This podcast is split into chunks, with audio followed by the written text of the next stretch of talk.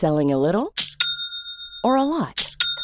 Shopify helps you do your thing however you cha-ching. Shopify is the global commerce platform that helps you sell at every stage of your business. From the launch your online shop stage to the first real life store stage, all the way to the did we just hit a million orders stage. Shopify is there to help you grow. Shopify helps you turn browsers into buyers with the internet's best converting checkout. 36% better on average compared to other leading commerce platforms because businesses that grow grow with Shopify. Get a $1 per month trial period at shopify.com/work. shopify.com/work. Vi har inlett ett samarbete tillsammans med Diskverkstan och har ni inte kollat in dem på Instagram ännu så gör gärna det. För när de når 500 följare så kommer det en giveaway från dem igen utöver den som de hade tillsammans med oss. Nu kör vi dagens avsnitt.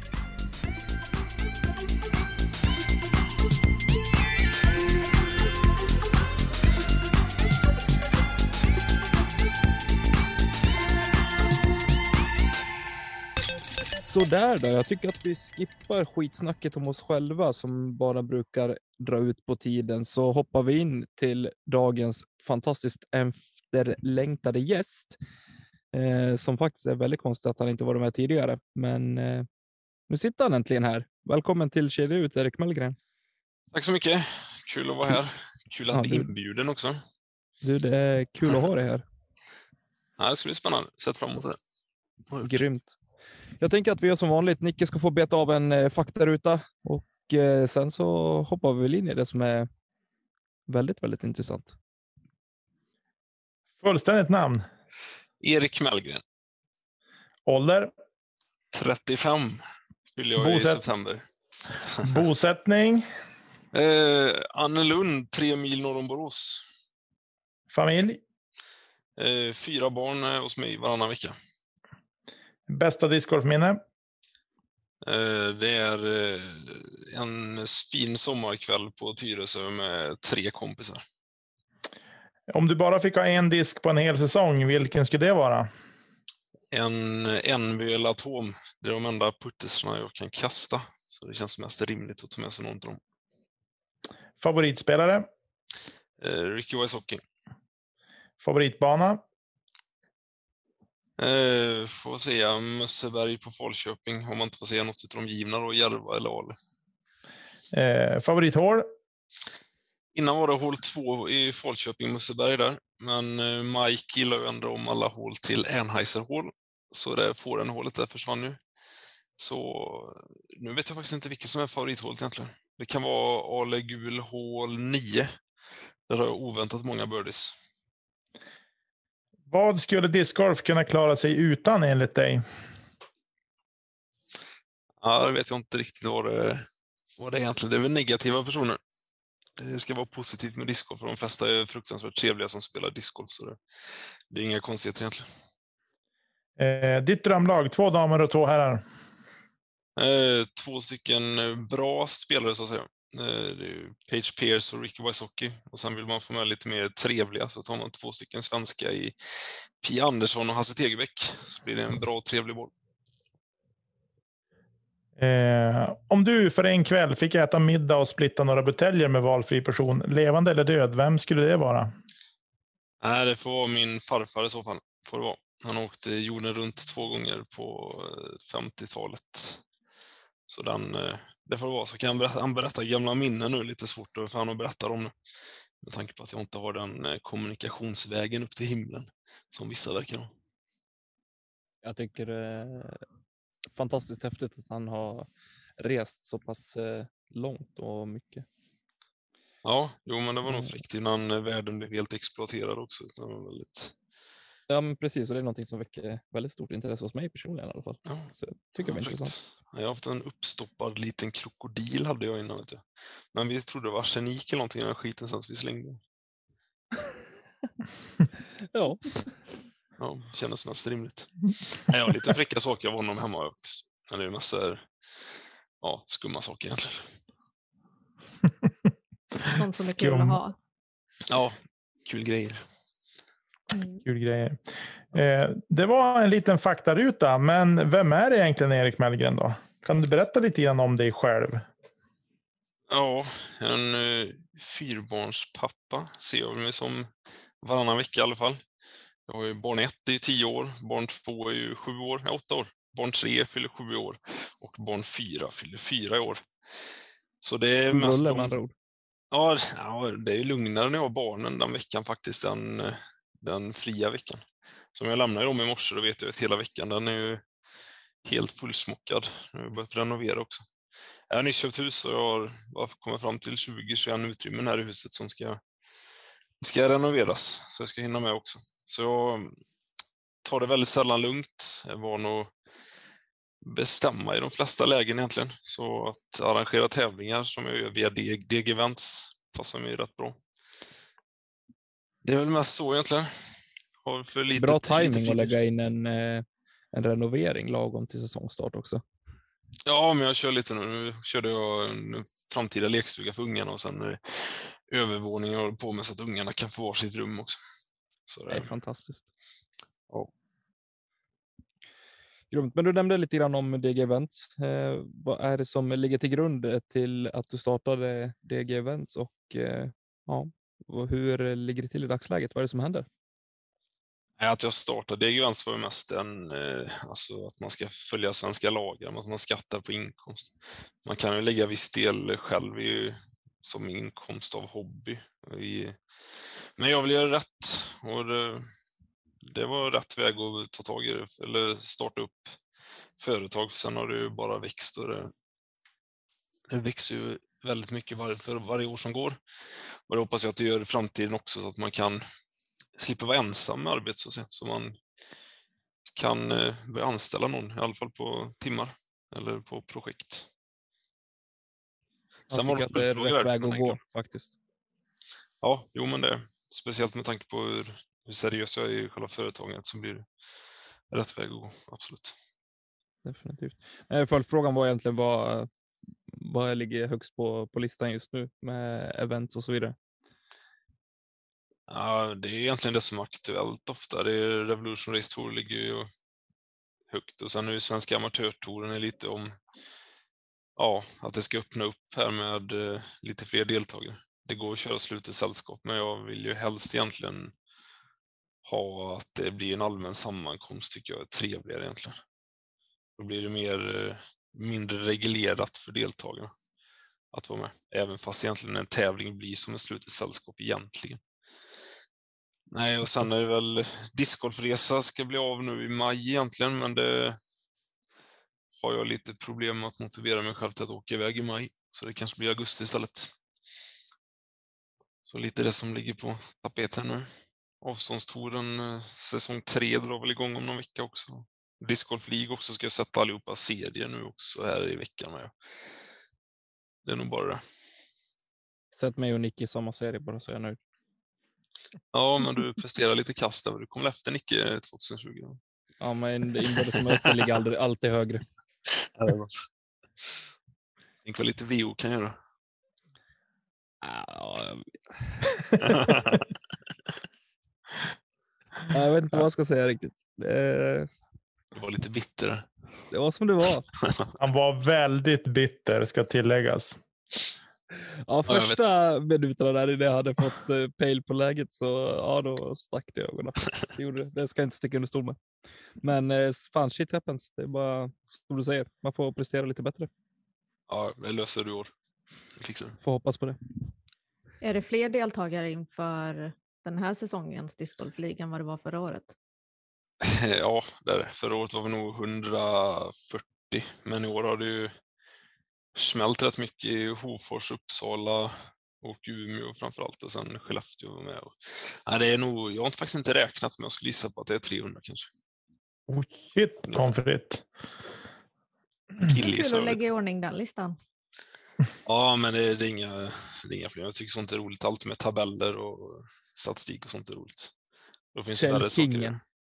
Excel, Excel-king, ja, precis. Nej, det är mer, eh, nej men sånt är kul. Det är, leka lite framför datorn. Det är roligt. På tal om det, jag var i Hofors för inte så länge sedan och eh, det är ju ett samhälle som eh, discgolfen bara har exploderat i, precis som du är inne på. Eh, och det ser man inte bland annat på anmälningslistan till Disc League där det är mycket damer och, eh, och herrar. Men eh, att banan är så pass faktiskt fin så här tidigt på säsongen också. Ja, jag tror det var hela Hofors befolkning som anmälde sig, om jag förstår rätt. Ja, ungefär. Jag låg ju och nattade barn igår och så, fick, så scrollade jag flödet. Så kom eh, upp någon med Hofors eh, medlemsavgift och grejer. Så jag är medlem i Hofors discgolfklubb, den enda, enda föreningen jag är medlem i just nu. Då. Det kommer ju bli fler, men ja, kul. Det är magiskt. På deras. Ja. ja, men trevligt. Mm. Ja, men du, hur länge har du spelat discgolf själv? Nej, det är sju år ungefär jag har spelat. Är det. Det en polare som drog med mig upp till gymmet så stod vi och kastade lite. Så var äldsta tösen med också, men hon var ju väldigt liten. Så det... Han fick mig att fastna för det. Han kunde ju visat mig sporten lite tidigare kan man tycka, men det, det blev som det blev. Men nu har han blivit lite paddelberoende, så stor besvikelse i mitt liv just nu. Han och alla andra i Sveriges befolkning. Ja, men han, han pajar ryggen i paddeln. Paddel är någon inomhussport, typ tennis i litet format. Jag har riktigt fattat det. Jag trodde man jobbade i fabrikslokaler, men det gjorde man tydligen inte. Nej, men det är väl kul att folk rör på sig. Det är roligt. Ja, det är faktiskt jätteroligt med paddel. Det går inte att sticka under stolen med. Det är väldigt roligt. Så länge man inte spelar med Tommy Bäcke, för det är ingen lek kan jag säga. Det är blodigt allvar. Jo, jo men man, man ska tävla, det ska man göra. Men eh, ja, vi behöver inte gå djupare in på det, så att säga. Eh, det kan bli så dålig stämning. Eh, men du, du har rätt många torer också, Erik, som du Mm. kör. Det är riktigt. Det är nog... Vad får vi till typ fem stycken kanske? Tror jag. Och sen ska jag starta två, tre stycken till nu. Inom ett par års tid. Men sporten växer ju helt galet mycket. Säljer slut på tävlingar på fem minuter i princip nu som det varit det senaste. Så det finns ju ett behov ifrån spelare att tävla och framför allt att eh, de här spelarna behöver nå ut till föreningen också för det är många nya. Så det får man Mm. hoppas att man är en del av också att bidra till. Men alltså, du startade DG Events eh, 2000. 18 blev jag 18. startade företag. Ja. Eh, och jag tänker, hur såg, hur såg tävlingsmarknaden ut, framförallt i södra Sverige, eh, när du började spela och, och så där och började tävla? Ja, men då var det ju, det var ju inte samma, det var ju nog, nog som i hela Sverige i princip som det var på den tiden, att det var väldigt nytt med tävlingar egentligen så. Tävlingar blev inte fulla och det var, ja, det var en mindre seriös nivå på det hela. Och det har ju verkligen blivit seriösare i hela Sverige nu på senare år. Eh, var det som en, en vecko, var det me- mest bara veckodiskar då alltså? Nej, veckodiskar har varit väldigt Eh, lite här nere egentligen jämfört med andra delar av Sverige om man har koll på.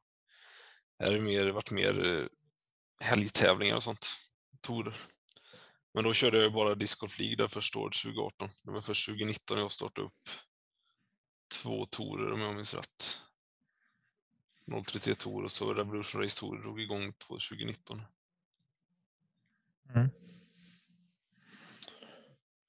Just det. Eh, men uppkomsten av discgolf League då?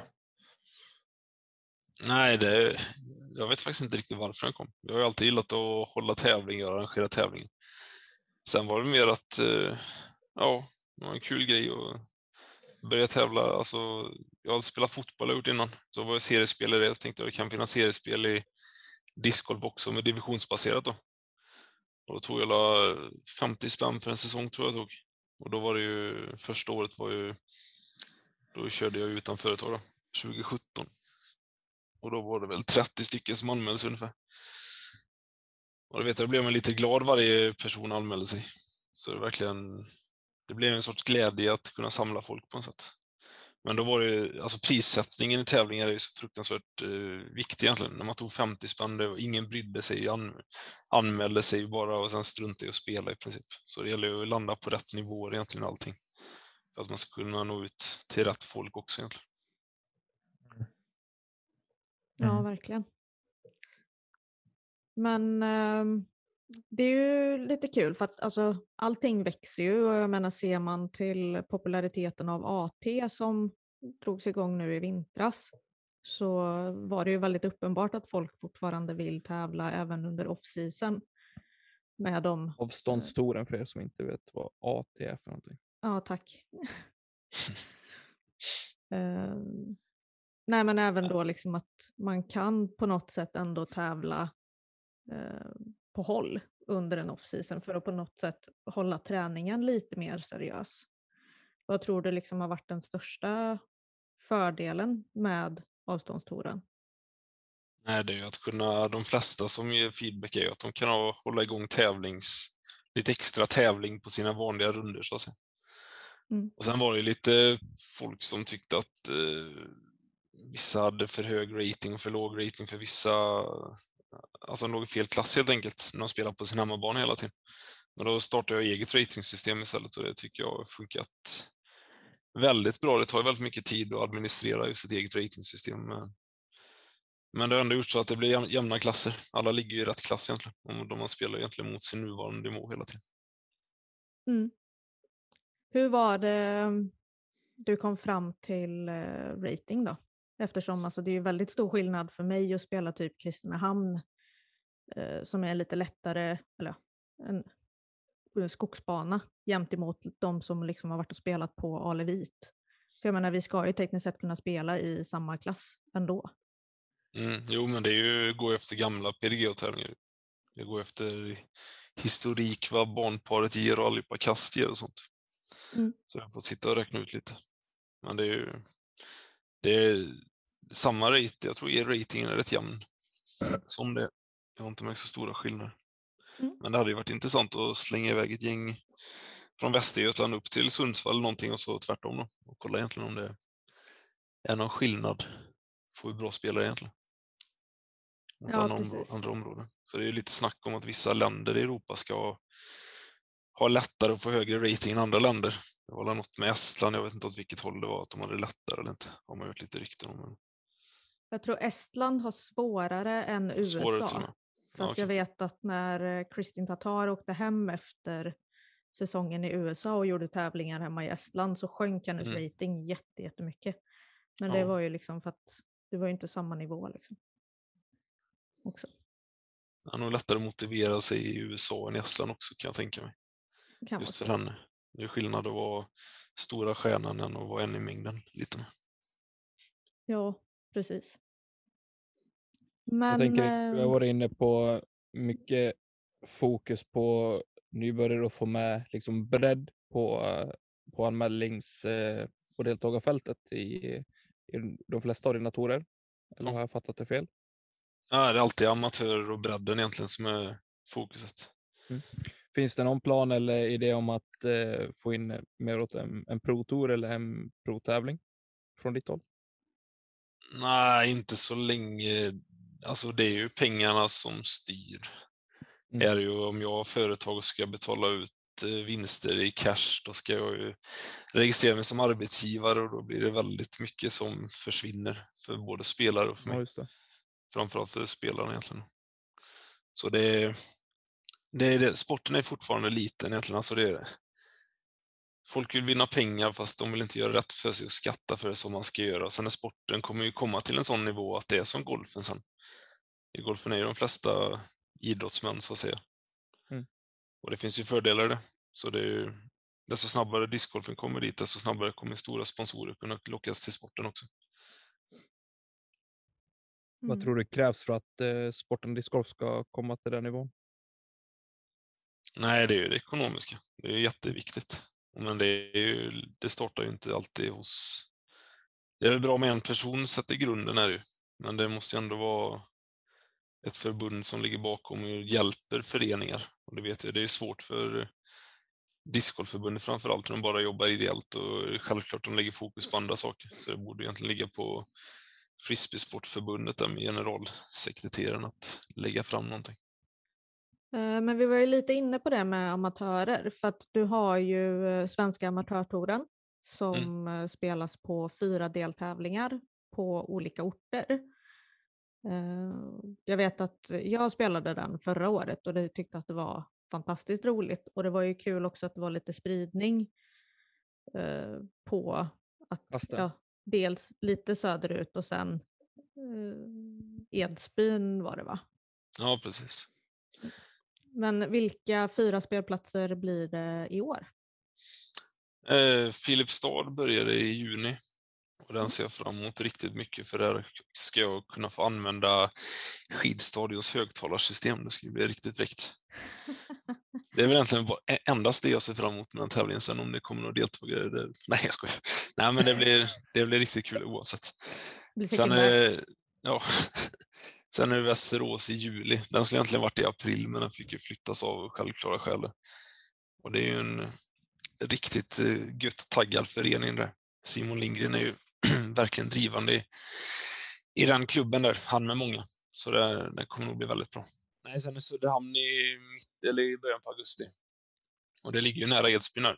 Men eh, skillnaden var att Edsbyn kanske hade i mitt Facebook-evenemang förra året var väl 110 intressenter och då, det brukar styra rätt väl de Facebook-evenemangen hur många som anmäler sig till slut. Jag tror Söderhamn redan är uppe i 180 utan att gjort reklam och Edsbyn la ner 500 spänn på reklam från förra året. Så ja, Svenska amatörtouren kommer växa rätt rejält i år tror jag.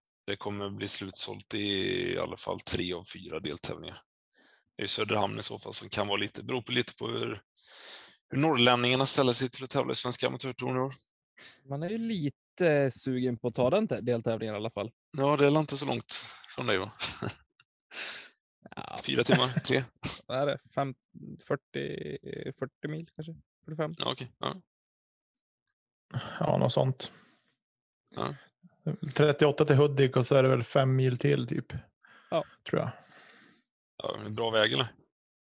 Ja, helt okej. Ja. Och sen är det ju Falköping i september och det är ju fyra mil härifrån, hemifrån mig så det, det ska bli skönt att nå med en helg där man har en stor tävling utan att behöva åka iväg och ja, packa ner allting och sova i stuga så att säga. Kan man vara på hemmaplan och komma hem och landa lite. Lite annat. Du har inte bokat eh, stuga på campingen där menar du? Nej, det har jag inte gjort. Nej, jag har fallit, faller mig hem där. Det ska bli gött. Nej, jag vet att eh, det var väldigt bra event eh, förra året. Alla, eller, jag var ju på tre av deltävlingarna i alla fall. Mm. Så det är väl någonting som vi ser fram mycket till här i hushållet. Mm. Men sen så har du ju- bästa tror jag. Jag missade hade Edsbyn. Ja, den var rikt... alltså den banan var ju helt sjukt bra. De hade ju sommarjobbare där i kommun. Men med coronan så fick inte de jobba med äldre. Så de fick jobba med, eh, med fairways och, och greener och sånt istället i discgolfbanan. Och de, eh, det var ju, den banan kan aldrig varit i bättre skick. Den var ju felfri alltså. Den var, nej, det var fint. Var det. Jäklar vad nice. Ja, gött väder också. Det var den eh, veckan det var runt 28-30 grader. Ja. Ni var uppe i, i Umeå där vet du. Jajamän. Vi hade inte så fel vi heller egentligen. Nej, det kan jag tänka Ja. Men eh, det här kommer ju att steppa upp ett snäpp inför nästa år, 2022. Mm. Där du har lagt ut redan nu lite teaser om eh, svenska amatörmästerskapen. Kan du prata lite mer om det, vad du har för tankar och idéer? Nej, men det känns väl rätt naturligt. Om amatörerna har en nationell tour så ska ju amatörerna ha en, eh, ett nationellt amatör-SM så att säga. Nu får det inte kallas för SM. Och det ska jag väl inte göra heller kanske, men amatörmästerskapet. Då. Så tanken är att det ska vara en femdagars i Lundbyparken utanför Enköping, på Oskars bana där, som är riktigt bra. Och det sa jag till honom redan för två år sedan tror jag jag spelade första gången. Nej, så tanken är att det ska vara på onsdagen börjar det med eh, vanlig partävling. Sen på torsdagen är det mixed och sen fredag, lördag, söndag så ska det vara individuellt. Jag har inte bestämt klasser än, men jag tror det blir några mastersklasser. Sen är väl MA2 och sen får det nog bli, ja, får se om det blir MA3 och MA4 eller hur. Mm. Men det blir riktigt nice. Det blir sidoevent med puttävling och kasta längd också och allting. Så jag tänker att det ska vara årligt återkommande på någon bana som är hyfsat lätt att ta sig till. Då. Och Enköping är en bana som matchar det. Ja, verkligen. inte varit där själv, men vi har väl pratat om den lite här i podden i alla fall. Men det låter ju som ett väldigt spännande upplägg och jag tror att det är rätt väg att gå också. Eh, jag menar, proffsen har ju SM och det är ju eh, ett stort steg liksom, men att ha någonting för amatörerna som vill hålla sig på amatörnivå också, så är det ju superbra att det här eh, kommer till. Ja, och speciellt när sporten växer också. Alltså rate, den lägsta ratingen per, per SM kommer ju bara höjas hela tiden. Mm. Jag vet inte vad lägsta var för i Umeå var ju speciellt med tanke på corona då, men jag vet inte vad det var tidigare år, vad man har kunnat spela SM på. Men det kommer ju garanterat 20, 2019 var det 9-15 tror jag. Ja, och den, den kommer ju garanterat höjas varje år för 9-15 nu. Det är ju det är säkert 20-25 pers bara i Revolution Race Tour som har över 9-15 just nu. Mm. Så det, det kommer höjas. Men Lundbyparken för övrigt, den borde du testa Elina. Den är ju det är bland det bättre egentligen man kan ta i Mellansverige. Jag tycker den slår Brevens bruk utan tvekan egentligen. Även fast Brevens bruk har väldigt bra front, vad är det, 12 första hålen kanske, eller vad är det? Ja, väldigt fin hål. Ja. Han med Lundbyparken, den har hög potential och han jobbar ju med den varje dag stenhårt. Mm. Nej, det är något som ska planeras in, helt klart. Ja. Street Team har kick-off 17 april. Härligt. Ja, för de som ska dit i alla fall. Alltså på Lundbyparken? Jajamän. Alltså, ja, jag är ledig den helgen tror jag. Min andra lediga helg fram till december så får man nästan kanske gå med i Street Team då och åka till Lundbyparken. Det är bara ska dra några trådar så är du välkommen. Ja, ja den där bokstavskombinationen du snackar om hela tiden, A2, A2, A2, A2, den kanske inte riktigt kan. Ta zone från min bag kommer du inte göra. Och en tredje putter du kan kasta sen också. ja, det, vad säger du? Ska vi lämna det där och så hoppa in i lite lyssnarfrågor eller? Det låter bra. Första frågan kommer från Västerås discgolfklubb. De skriver King, vad förväntar du dig av sommarens svenska amatörtouren? Blir det fyllda startfält? Hur kommer du att expandera till nästa år och fyller du startfältet detta år? Personligt ratingmål i år och så undrar de hur mycket du skulle betala för en First Run Atom slash 104 488. Mm, undrar vem det kan vara. Ingen aning. Eh, nej, eh, nej, men det blir nog fullt i Falköping, eh, Västerås och Filipstad. Det är nog inga konstigheter egentligen. Det är Söderhamn då. Men den tror jag faktiskt kan bli full ändå, för den föreningen där uppe, de visar verkligen att de vill ha, ha dit en deltävling i Svenska Amatörtouren. Och de känns väldigt drivande där med. Ja, och sen drar det ändå mycket trådar i både Sundsvall och eh, eh Dalarna. Eh, tänker mm. Det är inte få som eh, aktar sig för att fara till Söderhamn eh, från båda de områdena. Så Nej, jag tror att det är en, en, bra ort att faktiskt ha en, en del tävling i amatörtouren på. Definitivt. Ja, förra sommaren känns väldigt dött, men det har hänt. Jag tror inte många hade koll på mig förra året egentligen. Det känns som det är nu med avståndstouren framför allt. Och sen discgolfliga har steppat upp mycket kan vara mycket sånt. Sen är det förväntningar också att eh, det blir två stycken damklasser i år. Och förra året tror jag vi snittade ja, snitt på tre damer per tävling kanske i Svenska Amatörtouren. Men i år skulle jag nog hoppas på 15 till 20 stycken per tävling. Det var roligt. Ja, alltså ska man se och jämföra engagemanget på avståndstouren och mm. försöka mm. kanske dra det lite i parallell till vad som kan hända under um, ja, amatörtouren då istället. Uh, så ser det ju verkligen positivt ut. Ja, skillnad att våga där också. Om man ska våga tävla så. Och svenska amatörtouren låter nog eh, svårare än det egentligen.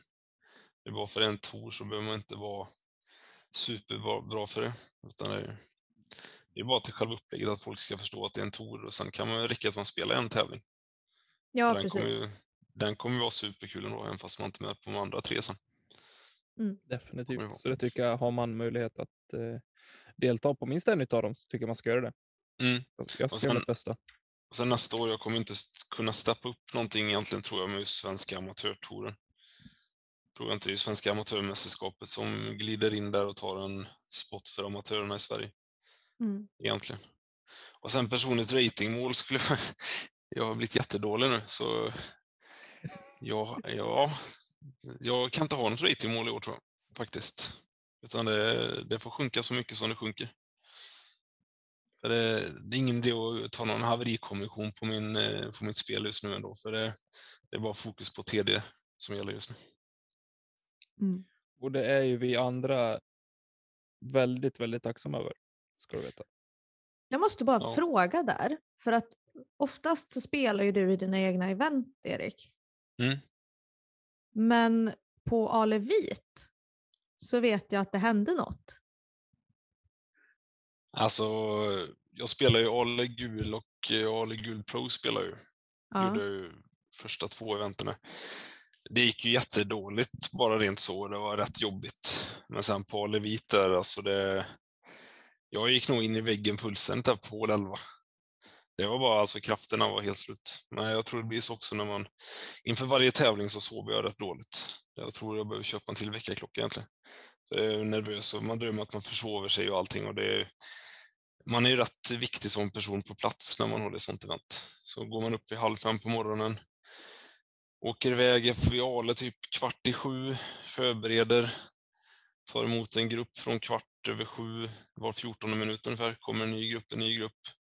Sen kommer man få framåt nio, halv tio där att frukost, det kan nog vara en bra grej att käka, får man skynda i sig det. Ska man ta emot, alltså det, man sitter inte ner så mycket heller. Det blir väldigt, eh, väldigt mycket jobbigare än jag trodde att det skulle vara. Och just det som hände på Alevit här, att jag var tvungen att avbryta, var väldigt... Eh, det kan ha varit ett litet vägskäl för mitt spelande egentligen, om jag ska kunna tävla i mina tävlingar längre. Det har ju funkat bra innan när det varit två poler, då har man ju kunnat köra på, då det tar inte upp lika stor tid utav dagen och det blir inte lika mycket stress och mer avslappnat. Mm. Men nu, jag får se hur jag gör på Gästlösa nu på söndag, för den är ju ännu tyngre än Alevit egentligen att spela. Väldigt mycket upp och ner och tunga kast egentligen. Så jag kommer nog kanske spela och det kommer nog gå riktigt, riktigt dåligt faktiskt. Kommer det. Ja. Jag kommer inte acceptera att jag inte kan spela. Så jag får spela ändå. Då fick ju Andreas Karlsson svar på sin fråga där också i samband med det. Det var ju Ja, men det var, det var roligt därför. Nej, jag hade en hyfsat eh, halvdålig drive på elvan där. Och sen ska man ju kasta upp för vet du. Då ser man ju gluggen eh, bortåt höger och ska man egentligen bara lägga fram någonting där med. Och det händer ju någonting med tankarna när man är helt slut. Så jag ska ju gena genom träd tre gånger ungefär. Och sen kände jag när jag står och ska kasta upp för det och jag orkar inte. Mm. Så la jag mig ner och vilade lite. Sen så plingade jag till i Messenger på två minuter, så verkar det som folk följer det live och frågar vad som hände och så. Så det, ja, nej det känns lite pinsamt, men samtidigt får man bara acceptera att det, det var nog rätt beslut att avbryta. Ja, alltså jag var ju först rädd att det hade hänt någonting med Joakim. För att han fick ju också DNFa och det var ju ungefär samtidigt. Och då tänkte jag bara, men helvete, säg inte att någon har skadat sig eller någonting. Han sprang in i mig på en run-up. Nej, han, Mm. eh, han hade problem med ljumsken tror jag det var, att han sträckte till det. Men eh, för att återgå till eh, frågan, sorry för sidospåret där. Eh, hur, mycket skulle du betala, för en first run? F1? Nej, Jag gillar inte att betala mycket för diskar. Så Jag, betalar, jag var dum i huvudet att betala 700 spänn för en eh, 163 grams PFN rate. Men sen som tur var så var ju Peter Milosevic lika dum i huvudet och köpte den till mig för 640. Jag kastade, jag kastade den två kast, jag kom inte över halva plan för den flippade för mycket. Men han verkar ju vara riktigt nöjd med den så det var ju kul att den, land, att den landade hos någon som gillar den. Så. Ja, den var, ja, min go-to-driver är en 163 grams eh, PFN rate. Och detta skulle egentligen vara dens tvilling tänkte jag och det var ju absolut inte en tvilling. Det var någon adopterad disk ifrån Guyana tror jag, om jag förstod det hela rätt. De var jätteolika varandra. Aj då. Ja, det var inget helsyskon. Alexandra Norberg frågar, hur väcktes det idén till avståndstouren? Blev det vad du förväntade dig? Ja, det, är egentligen, alltså, det är ju någon idé som legat och skvalpat så sett, men sen så kläcktes den ut fullständigt. Jag vet att det var något halvförsök nere i Göteborgsområdet här med några som hade i våras. Jag vet inte om de körde vidare mer än våren där. Men, men sen det med avståndstouren var ju mer att fan, nu kan jag inte arrangera tävlingar och jag har rätt mycket tid över eftersom jag inte har något annat att göra. Så då eh, körde jag igång och det blev det blev nog hyfsat eh, samma nivå som jag trodde det skulle bli på egentligen. Men sen eh, fixa eget ratings, eller ratingsystemet där om att, så att eh, tidsmässigt blev det lite eh, mer än jag trodde. Men det tycker jag varit kul och funkat bra nu. Och det verkar uppskattat också. Många nya som kommer in i sporten antagligen är sådana som kommer fortsätta tävla i sina veckor, veckodiskar och sånt framöver. Som har nog hjälpt ytterligare föreningar att komma in i sporten, eller ytterligare föreningar att få in spelare i sporten. Mm. Eh, Lukas Björnör frågar, han har tre frågor. Eh, och eh, den första är egentligen det som, eh, ja det har kommit lite diskussioner kring det på Ska vi snacka discgolf. Och det, hur får ni tillstånd att ta tävlingar under covid-19? Eh, när jag följer pandemilagen som företagare och då discgolftävlingar är egentligen slutna sällskap enligt polisens bedömning beroende lite på hur man gör med eh, när man har anmälan öppen och vilka som kan vara med. Så just för företagare är det inga konstigheter, för jag har ju en länsstyrelse som övervakar mig som företagare. Och det... Är man företagare så får man ha igång sin verksamhet. Men sen eh, idrottsföreningen ska ju lyda under Discgolfförbundets, vad de tycker. Då. Så är det för, för eh, föreningen lite annat. Det. Vad var det mer för frågor? Eh, nästa fråga, vilka är dina, tre, to, dina topp tre banor som du har spelat på? Jag gillar ju Sankt Hans, gjorde jag. Den var riktigt trevlig. Jag har bara spelat en, en runda där i blåst. Men jag tyckte den påminner mycket om Järva, så jag vet inte om det var att man hade känslan där om att Järva kommer försvinna. Så blev man eh, nöjd att Sankt Hans fanns där. Sen gillar jag Tyresö, den är väldigt, eh, jag tror den passar alla på något sätt. Eh, omgivningen där gör mycket för banan, tycker jag. Sen har jag, det är så svårt när man ska säga banor för då räknar man alltid med Olle Discgolfcenter och Järva, men de är så uppenbara på något sätt egentligen. Sen det är Lundbyparken utanför Enköping, den är också riktigt bra. Tycker mm. jag. Man hör mycket gott om den. Det får bli. Eh, det får vara med på våran bucketlist. Jo, men det tycker jag. Eh, och det sista han skriver, det är ingen fråga, utan han vill bara passa på att säga att alla, att samtliga tävlingar som DG Events har anordnat har varit väldigt, väldigt bra. Ja, men det är schysst. Det är kul när Onsala-grabbarna är med och spelar, för de är jävligt trevliga och ambitiösa på sitt sätt, så att säga. De är långkastare hela bunten och sen Ja, kollar man på 10 så är hela Onsala-gänget 950 plus. Men sen händer väl någonting, de ska göra en inspel där med, så de är riktigt roliga allihopa med. Så det är bara kul nu med Svenska Amatörtouren, framförallt att man får träffa dem lite oftare. Mm. Ja. Du, Adam Kurt, han säger så här. Mannen, hur många timmar har du på dygnet? jag vet inte. Jag, jag har ingen fritid i alla fall, i princip. Det är väl det som det som man får försaka när man eh, jobbar med det. Men samtidigt, ger det, en, det ger ju energi. Så länge som det ger någonting så ska man fortsätta med det. Tycker jag. Man lever bara en gång och det gäller att ha det positivt. Och det tycker jag att discgolfen ger. Det ger positivt och det ger mycket. Mm. Men han har rätt i det att timmarna de blir lite, de blir lite lidande. Så är det. Ja. Eh, Jens Tornéus undrar, hur har du lyckats skaffa ett sånt sinnessjukt minne? Ja, han undrar mycket Jens. Nej, Nej han är ju god. Han ligger på 849 rating nu tror jag, bara för att han ska kunna heta Novis Jens fortfarande. Jag hoppas han går upp till 850 nu så han kan heta Rick Jens istället. Nej, men minnet är rätt bra. Alltså jag, jag lärde mig allihopa länder, allihopa länder och huvudstäder när jag var kanske runt 12-13 eller någonting. Sånt är fantastiskt roligt. Ja, allting det sitter nog i tror jag. Jag tror jag skulle nog sätta i alla fall eh, 80 procent av huvudstäderna och flaggor skulle jag nog kunna ta de flesta just nu, förutom de nya flaggorna. Så det är ju... Jag brukar vara bra på ja, komma ihåg mycket, ja. men ibland glömmer jag och det är därför jag har bett folk börja mejla nu, för det, det, är lite svårt, för jag tror jag snackar med ungefär 30 discgolfare per dag på Messenger, så det är lite... Ofta när saker man ska komma ihåg så är det alltid bra att ta det via mejl också. Ja, det är bra.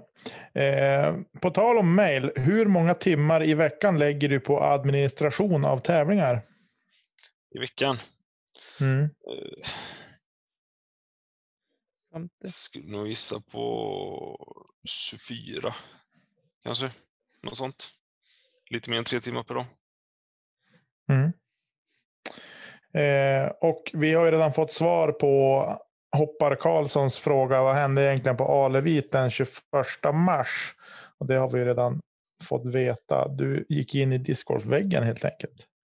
Ja, det var nog värre än när jag åkte halvvasan. Alltså jag mådde ju, kroppen var helt slut sen dagen efter. Det, var, det är något speciellt med att stå upp i nio timmar och slösa energi på det på något sätt och sen gå ut och tävla. Det var speciellt på Alevit, som är tung. Men nu ska jag göra om det på söndag för jag vet inte vad jag sysslar med, men tydligen ska jag göra det. Jag får, egentligen ska jag avstå. Och detta avsnitt kommer ut på fredag och jag kommer att lyssna på det då, men jag antar. Så då kommer jag tänka igen att det är nog bäst att strunta i det. Men likt förbannat kommer jag nog stå där och få och gå plus 20 eller någonting. När ska han börja tävla, Andreas förresten? Fick ni reda på det när han var där? Jag har inte lyssnat på avsnittet.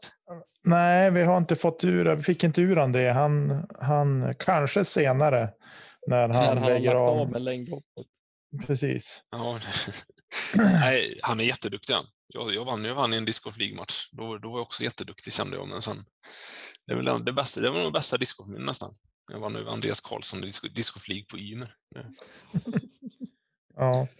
Nej, men det, är- det är något speciellt. Jag minns eh, på SM så, i somras, så minns jag när man höll igång hela dagarna från tidig morgon. Man klev upp klockan sex och åkte in till stan för att vara redo när rundorna skulle dra igång det vid sju snåret. Eh, och sen höll man igång i sina tolv timmar och jag stod upp. Det var inte många, många minuter man satt ner eh, på dagen. Han Sådär. satt ju inte ens och åt för fan. Nej, det var knappt att man kunde. Man, den tiden jag satt, det var när jag åkte mellan banorna i bilen. Mm. Sen stod man upp och jag var rätt slut i huvudet på, på kvällarna. Och framförallt efter söndagen där när allting var klart, då var det verkligen kortslutning och time-out i skallen. Så, där. så att jag fattar inte att du orkar liksom vecka efter vecka hålla i det här. Nej, innan jag slut på rundan på Levit så hade jag 15 000 steg när jag kollade på mobilen. Så det, det blir ju ändå lite, man, man står inte stilla där när man, innan man går runt och snackar med folk och vi, Så det är väldigt mycket. Dela ut priser från föregående tävling till de som kommer. Och det är lite att hålla koll på. För det går inte, jag, presentkorten skickar jag digitalt, men har de vunnit någonting, något pris, någon disk eller bag eller någonting från tävlingen innan så får man ju ge det den tävlingen. Och då vill man ge det innan de kommer till 10-1, för då vill de ändå stå där och kasta några kast, så vill man ge det till dem innan de kommer till 10-1. Så de får lite Mm. mer tid att värma upp. Mm. Då ska vi tillägga att det kanske är ungefär vad kan det vara, 25 meter max mellan 10-1 och klubb, eller butiken på Ale. Och det var ju ungefär däremellan du gick hela tiden. Ja, det blir några gånger fram och tillbaka. Ungefär som när du var spotter på I20 Niklas. Ja, det var något sånt. Att man inte sprang istället, tänk vad snabb man var. Eller hur? Små ruscher hela tiden. Um, ska vi se, vi fortsätter med Daniel Lipings. Um, det ryktas att ditt lag i Yla är favoriter i år. Kommentar till det? Ja, vi har ju värvat bra. Vi värvade ju tidigt där med Marcus Udd och Robin Alexandersson. Det är stabila Boråskillar som inte spelat så länge. Och sen eh, Tobias Palmer också. Eh, från Göteborg. Han, är ju, han har ju varit med och spelat lag-SM nu. Även fast han inte spelar en minut som han påstår, men han var ändå med i truppen. Så han var obesegrad i lag-SM, det är inte många som varit det. Egentligen. Nej, precis. Så jag kan väl tillägga då, vad är YLA? Eh, Yla, det är Ymer som har Ymers lagserie. Jag vet inte riktigt vad A står för, men det borde vara A till lagserier. Nej, så är det lagseriespel som de har. Man är väl runt 7 till 9 personer i varje lag.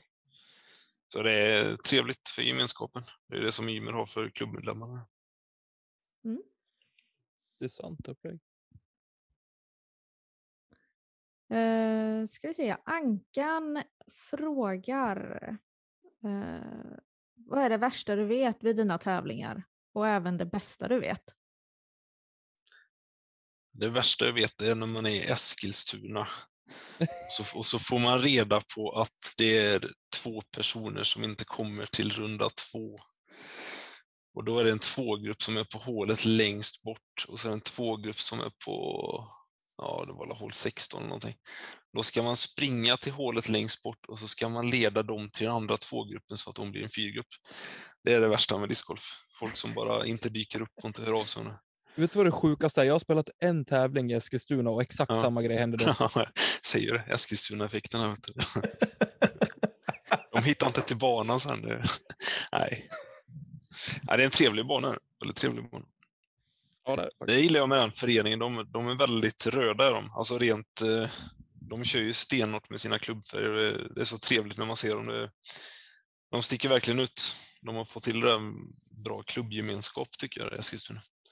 Mm. Samma Hofors också väldigt bra när man ser att de tävlar och har de sina kläder på sig. Det är väldigt få klubbar som har det egentligen. Rent klubbkläder som sticker ut så mycket. Kan jag tycka. det Ja, det, får- bästa, det det bästa med tävlingen är ju energin man får så allt discgolfmingel egentligen. Tycker jag. Mm. Det är jag beredd att hålla med dig om. Mm.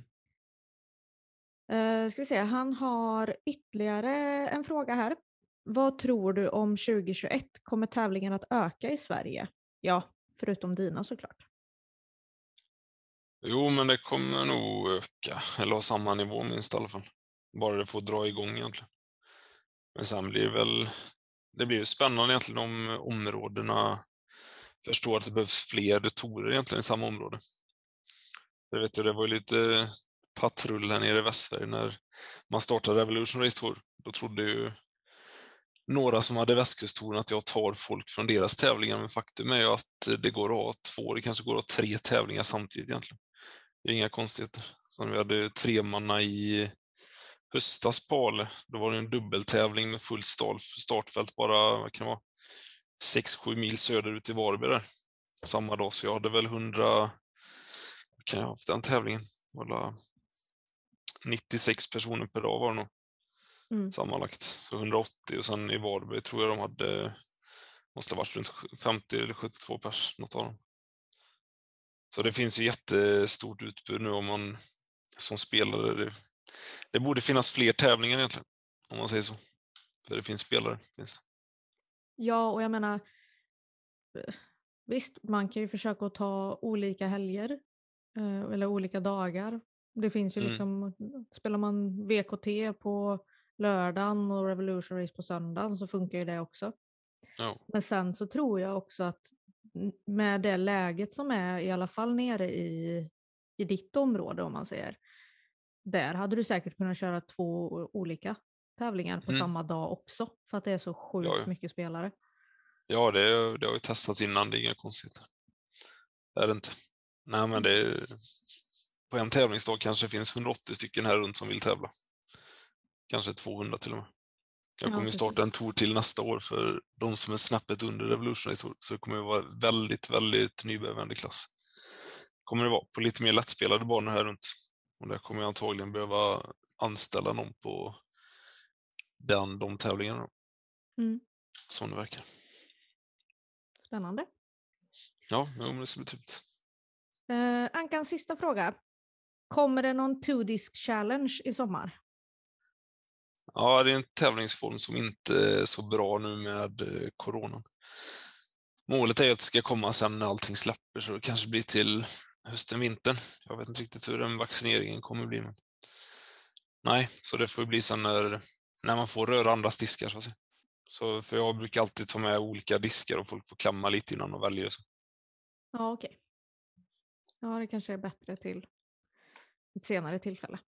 Ja, absolut. Det, det är det som är lite... Det är, jätte, det är, en, det är en minnesdisk där som håller på att åka runt i Sverige. Det är, kän- det är jättebra tanke, men den är inte jätteklockren i dagens läge kan jag tycka, egentligen. Det är någon Nej. grön disk som startar i Värmland.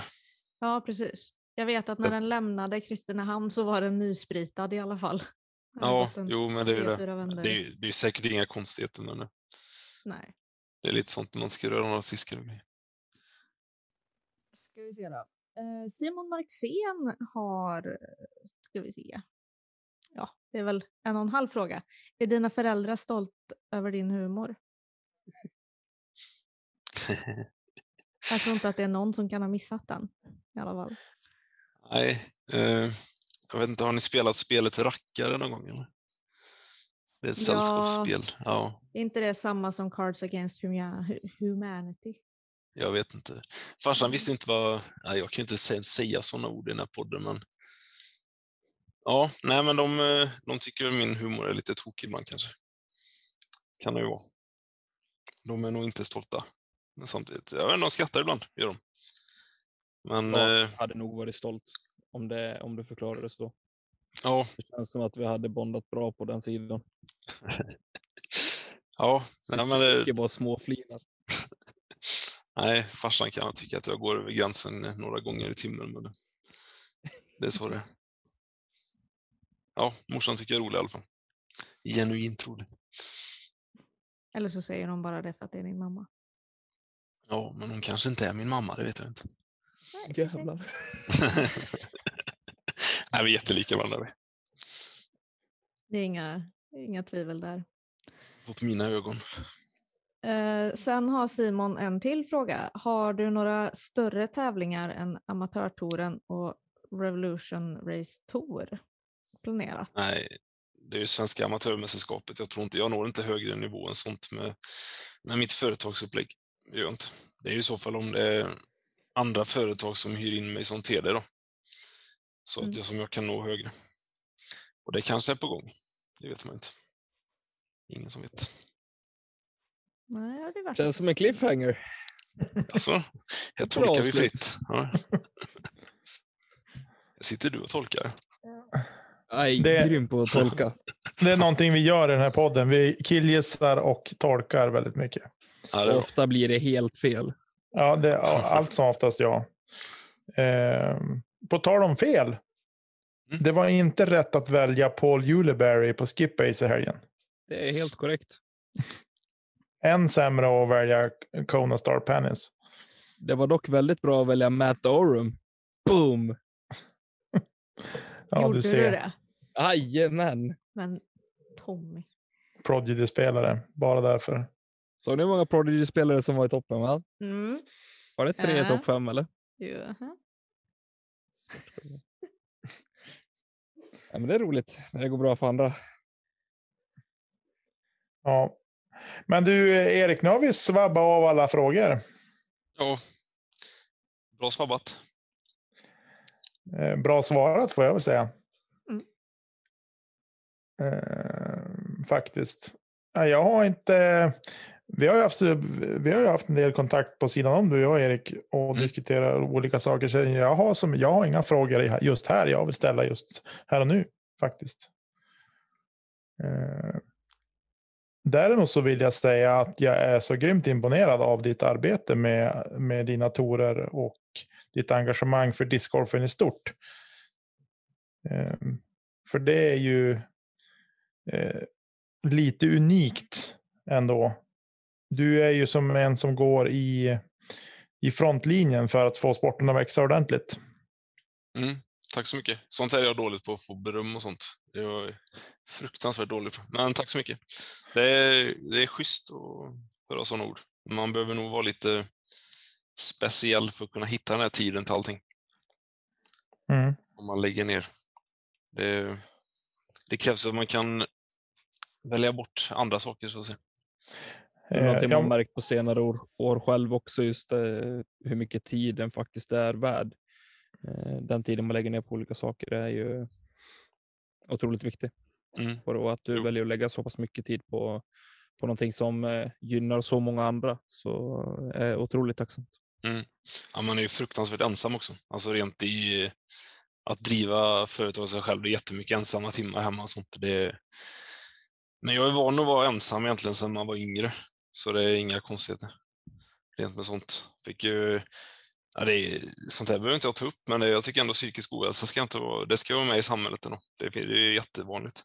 Jag fick ju panikattacker och sånt när jag var 12 år ungefär. Så jag har fortfarande kvar sånt. Men det, så att arrangera tävlingar och sånt, det blir som KBT för den. Så det, jag tror jag mår mycket bättre av att ha en sån här livsstil. När jag har fullt upp och kunna hålla igång tävlingar och sånt och vara ute och träffa folk hela tiden. Att man är mer tillbakadragen så att säga. Så det är Mm. jävligt viktigt att eh, fokusera på att det finns eh, ohälsa i samhället. Jag fick ju reda på min först när jag var kanske 22-23 år. Så jag har gått 10 år och tappat alla kompisar sedan innan allting. Så det, det är just det att jag tror det har hjälpt mig att kunna klara mig ensam och kunna köra sig. För jag har lärt mig att vara själv egentligen. Med, med mycket tankar och med mycket i livet. Så att säga. Ja, psykisk ohälsa ska inte underskattas på några sätt och vis. Nej, sånt syns ju inte heller, utan det är jävligt många som det drabbar. Och det är först när man tar upp det, är först när man tar upp sånt som det egentligen kommer fram. Och det är viktigt att man snackar om det, alltså rent, istället för att bara gå in, hålla det inom sig så att säga. Så det, är- jag tror det är först när man pratar med någon som det, som det släpper rejält. Det ser man ju ibland på Facebook, vissa som gör uppdateringar och, kom, och kommer ut så att säga ifrån sin ohälsa. Så det, det är nog det viktigaste bara att acceptera det och få fram det. Så det är väl mest för att hjälpa andra som jag tar upp det här i det här forumet också. Det var en tanke att jag skulle ta upp det. Just för att folk ska förstå att man kan lyckas även fast man har det jävligt tungt vissa perioder.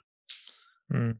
Så det gäller bara att göra det bästa av livet egentligen, även fast man, man hade mått bättre kanske om man bara stängde in sig själv i en liten, ja, ett litet rum och bara hade kul att kolla på en TV och inte bry sig om någonting annat. Men det, bara slita sig ur det, för det är roligare utanför. Definitivt. Jag tror att mycket ligger i att man faktiskt behöver skapa, eller, ja, utbilda samhället generellt Mm. eh, och eh, skapa en kunskap eh, kring det. För, Jo, det är det. Precis som du säger, man, det syns inte sidan och då, då är det svårt att påvisa vad som faktiskt händer också. Jo, precis. Nej, jag gick i femman när jag fick det. Det var ju inte alls några... Det var ju bara fysiska tester så att säga, de gjorde. Mm. De hittade inget fel, så det var ju bara, det var ju bara att fortsätta leva med panikattacker och illamående varenda dag. liksom. Det är ju som det. Men sen så träffar man bra folk ut med vägen som ser lite tecken och så kan man gå vidare med det. Så det gäller ju bara att... exempel på det. Ja, Att, eh, absolut. Nej. Så det är bra. Det är nog det med det mesta i livet där. Att kunna vara, inte hålla saker inom sig. Bara försöka sluta vara, sluta vara introvert så mår, mår man bättre sen. Sen finns ju en charm i det också så att säga. Det finns ju någon som är, har varit otroligt eh, ja, men, tydlig med mig också i eh, förhållandeväg i den varianten att eh, hur viktigt det är att faktiskt prata med varandra. Och det är Mm. Nick- Nicke Nyman som är fantastiskt duktig på det. Ja, det är bra. det nej, jag tror mycket på det du säger. Jo, det ska vara högt i tak. Man ska inte hålla inne någonting alls egentligen. Då må, det är bara lättare att må sämre faktiskt.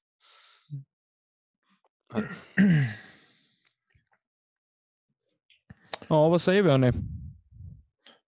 Ja, jag har som sagt var inget att tillägga ehm, mer än det jag nyss sa. Och så, jag uppskattar verkligen Erik och det han gör för, för discgolfen i stort i Sverige eh, såklart. Och jag tycker att eh, Eh, även alla ni som är på Eriks event, oavsett vilket, att eh, ge han en klapp på axeln och liksom tacka för det han gör. För ni hörde ju här att han lägger kanske tre, fyra timmar per dag på administration för, för olika tävlingar och eh, det är någonting som man eh, måste uppmärksamma också. Vilket arbete som ligger bakom allting. Och så. Så att eh, tänk på det. Och det gäller ju i sig alla arrangörer. Att man, att man eh, tackar för bra event och sådär. Eh, man ska aldrig skylla på arrangören om man har spelat dåligt. Det har jag lärt mig. Jag kan göra det. Jag nog på som privilegium. men jag är jättetacksam att det kommer folk till tävlingen och att det är jättemånga som visar uppskattning och allting. Det det är fantastiskt kul att se. Där. Och det ger mycket som sagt. Det gör att man vill fortsätta. Och vad roligt. Mm. Det känns väl som bra ord att eh, gå ut på. Eh, vi får tacka Erik så hemskt mycket att du ville vara med. Att eh, vi äntligen fick till det här. Det har varit eh, otroligt trevligt att eh, spela in två avsnitt egentligen, men som resulterade i ett till slut. Ja, jag slapp ju vara nervös på andra i alla fall. Det var skönt det. Ja, men precis. Så vi ska göra varje gång. På tal om tid. Nej, Ja, men det, precis. var, det blev nog bra till slut. Ja, det tror jag. Tack så mycket för detta. Ni gör ett grymt jobb med podden tycker jag. Kul att lyssna på. Ja, tack för att du lyssnar. Och till nästa Ja, gång ska jag inte... Kasta kedja ut. Exakt. Ta hand om er där ute. hörni. Trevlig helg på er och eh, tack för att ni lyssnar. Ha det gott. Hej då. Ha det gott. Hej.